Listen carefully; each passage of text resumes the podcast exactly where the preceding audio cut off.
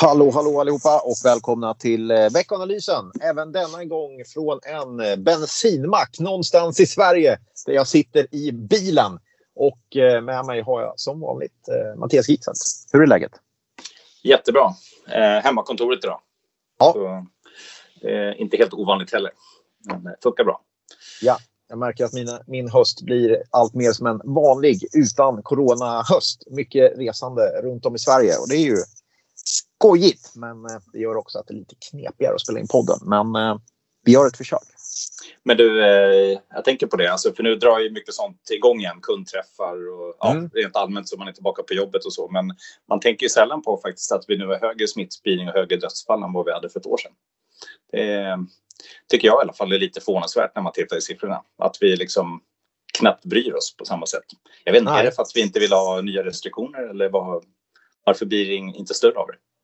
Därför att jag tror att man är för trött. Jag vet inte om det är möjligt för samhället att ju samla kraft och göra det en gång till. Sen spelar det stor roll förstås beläggning på sjukhus. Eh, låga, ja, ja. Tal, låga tal på IVA och sånt där. Och jag tror Absolut. att det, det, det spelar en, en stor roll.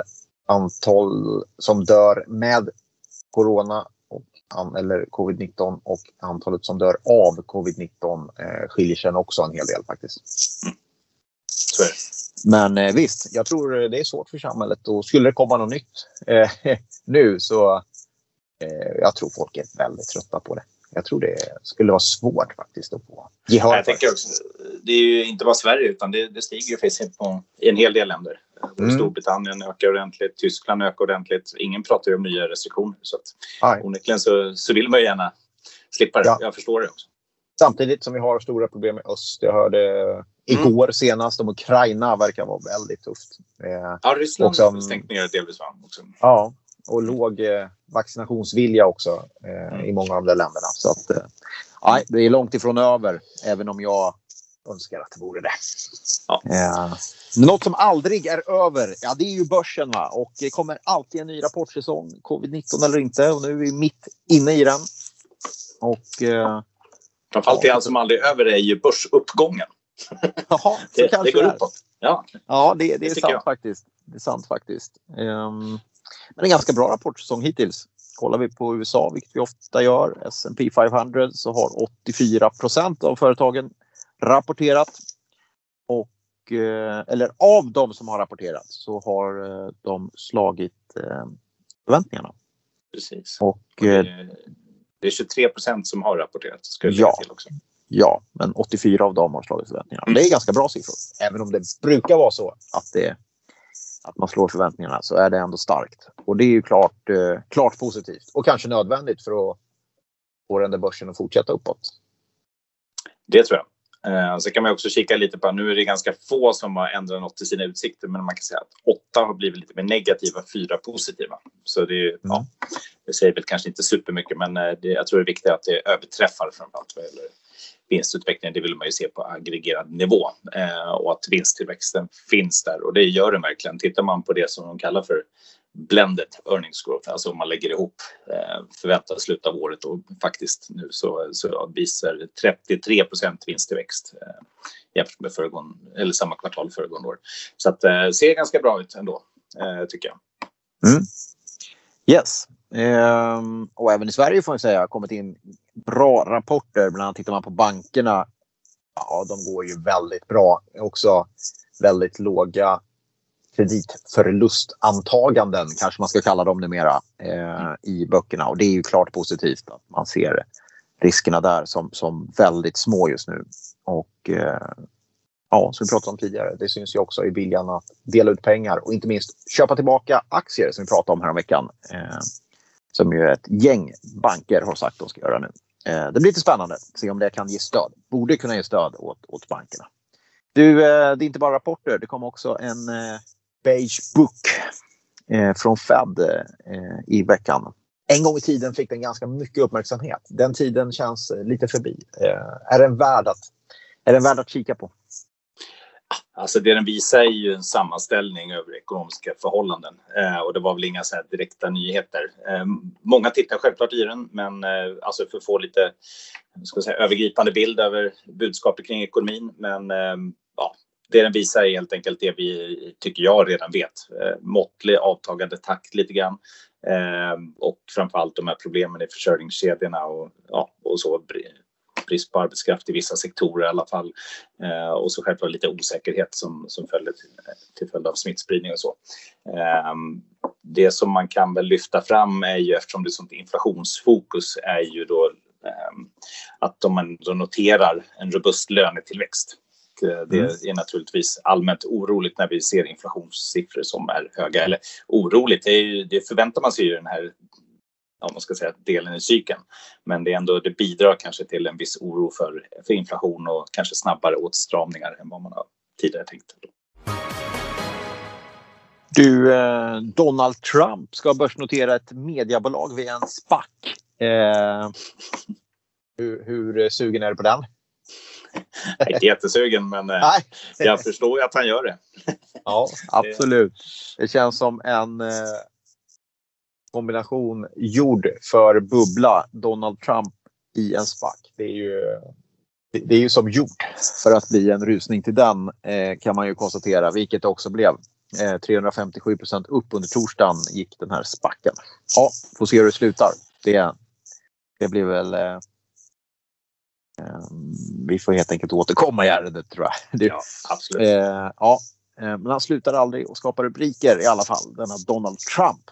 Eh, makrostatistik kom det väl antagligen även förra veckan, eller? Ja, eh, alltid. Amerikansk industriproduktion kom för september. Eh, minskade med 1,3 procent. Var förväntat faktiskt en liten ökning. Så även där så ser man den här eh, problem med försörjningskedjorna och brist på halvledare och annat som, som vi vet om. Ehm, och eh, även det här med att man har svårt att hitta rätt arbetskraft. Det gäller ju vissa, vissa sektorer naturligtvis. Sen hade vi ehm, eh, svensk arbetslöshet som minskade till 8,2 procent under september från 8,5. Vi hade också nya arbetslösa i USA. Det är den här veckostatistiken som kommer som var 290 000 under föregående vecka ner från 300 000 veckan innan. Så det är faktiskt lägsta siffran sedan pandemin började. Så där är det ganska bra, bra eh, fart. Ehm, och sen så hade vi också eh, veckan som avslutades med inköpschefsindex, självklart alltid, eh, från USA och eurozonen. Och där kan man väl säga att de hade en lite mer negativ framtidsbild än vad man tidigare sett. Men eh, fortsatt så är den på relativt hög nivå, det är bara att det mattas av. Så jag tycker alla signaler är egentligen ganska lika nu, att vi, vi ser en liten avmattning, men att det fortfarande naturligtvis är rätt höga tillväxttal och rätt höga ledande indikatorer ändå fortsatt. Yes, ja. Om vi kikar lite på finansmarknaden den här veckan så är ju förstås huvudnumret Volvo Cars börsnotering som är framflyttad. Den skulle varit på torsdag. Den blir på fredag och det är lite stökigt kring noteringen får vi nog säga. Ehm, idag har det kommit, ja det kom ju nyheter i slutet av förra veckan att man eh, konverterar A-aktier till B-aktier. Det var i fredags för att blidka marknaden. Idag kom det också att Volvos VD Samuelsson köper själv aktier för 25 miljoner i Volvo Cars. Och eh, man nämner också att eh, det blir golvet som blir eh, noteringspriset. Jag kommer inte ihåg exakt om det var 56 kronor kanske, men det är i alla fall golvet av spannet som var väldigt stort som, eh, som det blir. Eh, och med de eftergifterna, kanske man får kalla det, så kommer också till exempel Alexa in som ägare. Så det kommer in flera stora institutioner då. Men eh, nej, man får baxa lite för att få till det. Det är inte helt eh, okomplicerat att få in Volvo Cars på börsen. Man trodde det skulle kunna gå lite lättare tycker jag. Eh, kanske en kinesisk ägare som stökar, jag vet inte. Men eh, svalt intresse i alla fall inför börsnoteringen. Vi får se hur det går när den väl är noterad däremot. Eh, ska man nämna någonting så fick Tesla idag en order från Hertz, eh, biluthyraren, på 100 000 modell 3 som ska levereras på 14 månader. Eh, det verkar som Tesla inte har någon komponentbrist i alla fall. Vi får väl se. Eller så ja. man... Eller sa de när de ska levereras? Eller du? Ja, inom 14 månader. De, de okay, ska börja levereras eh, inom två, tror jag. Ja, så, okay. så en, eh, Men en Då är det väl rejäl... ett, ett gäng andra som inte får sina kanske. Mm, ja, det kanske är det. Så sitter du och väntar på en Tesla så, så ring och kolla och säkerställ att den är på väg för att eh, det finns en jättekund som, eh, som riskerar att gå före. Jag tror man har en chans att få gå före i kön om man beställer 100 000 bilar. Jag vet inte. Det borde vara så. Det borde vara så. Eh, annars massa rapporter förstås den här veckan som ramlar in. Det är eh, både svenska, utländska, kanske framförallt amerikanska som kommer. Ja, någonting annat innan vi stänger butiken för den här gången. Ja, men makro den här veckan eh, kommer det en del. Eh, Ja, och- det hoppar jag över bara. Ja, men jag tänkte nu, nu får du lugna dig. Ja, ja det är bra. Du har koll. Ja, nej, men det måste vi få till. Eh, Jaha. framförallt när det kommer tysk statistik. Det är viktigt. Vet du. Det är viktigt. Eh, ja, det kommer IFO-index. Eh, Mm. Och där är ju det, är det här eh, ja, nuläge utsikter. Och eh, det är ju det väntas ju fortsatt mattas av. Så även där så ser vi lite att en, en ledande indikator som kanske har toppat lite för den här gången. Eh, sen har vi amerikanska konsumentförtroendesiffror från eh, Conference Board. Eh, och det är ju eh, alltid intressant att se konsumentförtroende som är historiskt har starkt samband med, med bland annat börsutvecklingen. Och eh, sen kommer det då lite preliminära BNP-siffror för tredje kvartalet från USA, från eurozonen och från Sverige. Så ganska mycket och det är också dessutom ett räntebesked från ECB. Så nog finns det saker att titta på även om det inte kanske är några jättestora överraskningar som väntar. Eh, Mm. Utan eh, ja, det, i ECB-beskedet är det ju framförallt signaler kring den här inflationen som pågår och är den tillfällig eller- ja, eller inte. Det är väl det som är framför allt viktigt. Då. Eh, och vad gäller tillväxtsiffrorna så ja, eh, det, det som gör kombinationen intressant tycker jag väl annat. Det är ganska många som pratar om det här med likheter med 70-talet, stag, stagflation och så vidare. Alltså när tillväxten är låg men inflationen är hög och eh, den diskussionen finns ju egentligen globalt både i ja, USA och Europa men kanske framför allt i Kina skulle jag säga för där har vi ju nu en eh, klart mer begränsad tillväxt. Den är ju i och för sig hög då jämfört med globalt mått 4,9 procent men för Kina är den ju väldigt låg. Samtidigt så har man ju till exempel en producentprisinflation på över 10 procent. Så där kan man ju verkligen fråga sig, är det, liksom, är det stagflation vi ser? Men eh, då ska man komma ihåg eh, covidutbrott här nu i början på hösten. Vi hade den här Evergrande fastighetsmarknadspåverkan. Vi har energibristen. Vi har en rad andra olika policybeslut, till exempel att man kommer faktiskt att försöka minska skuldsättning i fastighetssektorn även under hela nästa år. Så jag skulle säga att det är alldeles för tidigt att säga att vi har stagflation, för det man faktiskt såg på 70-talet var ju också att arbetslösheten var ganska hög eh, och det har vi inte alls nu. Så att, eh, jag tycker inte det är ett sånt scenario.